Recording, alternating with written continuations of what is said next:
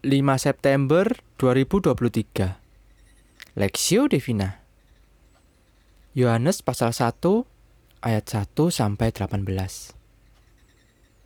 Pada mulanya adalah firman. Firman itu bersama-sama dengan Allah dan firman itu adalah Allah. Ia pada mulanya bersama-sama dengan Allah Segala sesuatu dijadikan oleh Dia, dan tanpa Dia tidak ada suatu pun yang telah jadi dari segala yang telah dijadikan. Dalam Dia ada hidup, dan hidup itu adalah terang manusia. Terang itu bercahaya di dalam kegelapan, dan kegelapan itu tidak menguasainya datanglah seorang yang diutus Allah, namanya Yohanes. Ia datang sebagai saksi untuk memberi kesaksian tentang terang itu, supaya oleh dia semua orang menjadi percaya. Ia bukan terang itu, tetapi ia harus memberi kesaksian tentang terang itu. Terang yang sesungguhnya yang menerangi setiap orang sedang datang ke dalam dunia.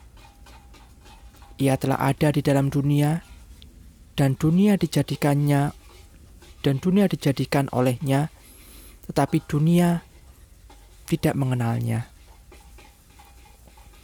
Ia datang kepada milik kepunyaannya, tetapi orang-orang kepunyaannya itu tidak menerimanya. Tetapi semua orang yang menerimanya diberinya kuasa supaya menjadi anak-anak Allah yaitu mereka yang percaya dalam namanya.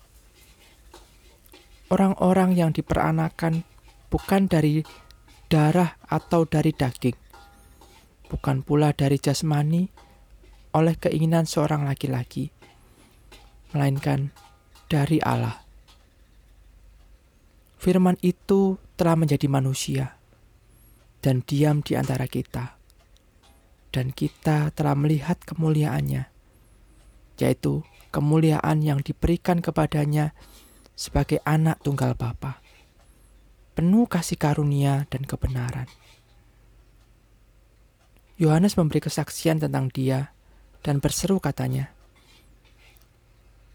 Inilah dia yang kumaksudkan ketika aku berkata, kemudian daripadaku akan datang dia yang telah mendahului aku, sebab dia telah ada sebelum aku. Karena dari kepenuhannya, kita semua telah menerima kasih karunia demi kasih karunia. Sebab hukum Taurat diberikan oleh Musa, tetapi kasih karunia dan kebenaran datang oleh Yesus Kristus. Tidak seorang pun yang pernah melihat Allah, tetapi anak tunggal Allah yang ada di pangkuan Bapa, dialah yang menyatakannya. Firman jadi manusia perspektif. Dan kita telah melihat kemuliaannya, yaitu kemuliaan yang diberikan kepadanya sebagai anak tunggal Bapa, penuh kasih karunia dan kebenaran. Yohanes pasal 1 ayat 14. Sebagian besar dari kita mungkin masih mengingat jargon gitu aja kok repot. Ucapan jenaka ini diucapkan oleh salah seorang mantan Presiden Republik Indonesia, almarhum Kiai Haji Abdul Rahman Wahid. Ucapan ini begitu populer karena berhasil menggambarkan secara umum sikap beliau yang cenderung non protokoler dan praktis dalam mendekati dan menyelesaikan berbagai masalah di negeri ini.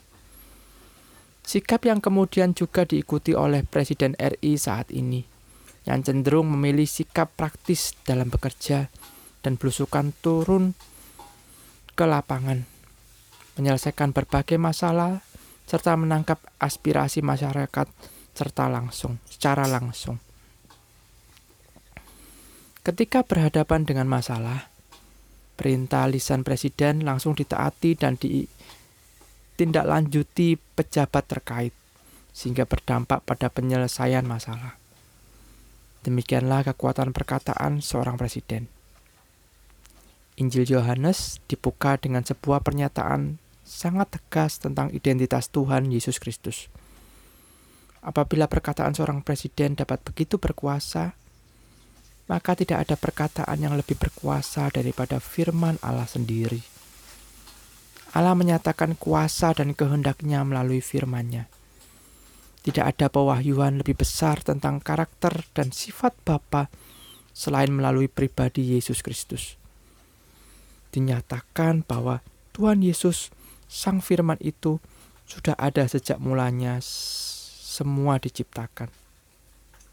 Ayat 1 Bahwa dari dia segala sesuatu ada, dan di dalam dia manusia beroleh terang yang berkuasa mengalahkan kegelapan ayat 5. Melalui kesaksian Yohanes, Tuhan Yesus sang terang itu datang ke dunia.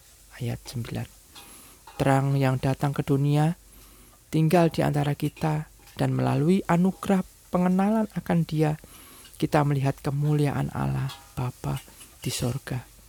Ayat 14. Tuhan Yesus adalah sang firman yang menjelma menjadi manusia dan di dalam dia kita mendapatkan anugerah kasih karunia dan kebenaran dari Allah. Perikop ini mengingatkan dan menegaskan kepada kita akan identitas ilahi dari Tuhan Yesus Kristus, bahwa Dialah bagian dari Allah, Tritunggal yang Maha Kuasa.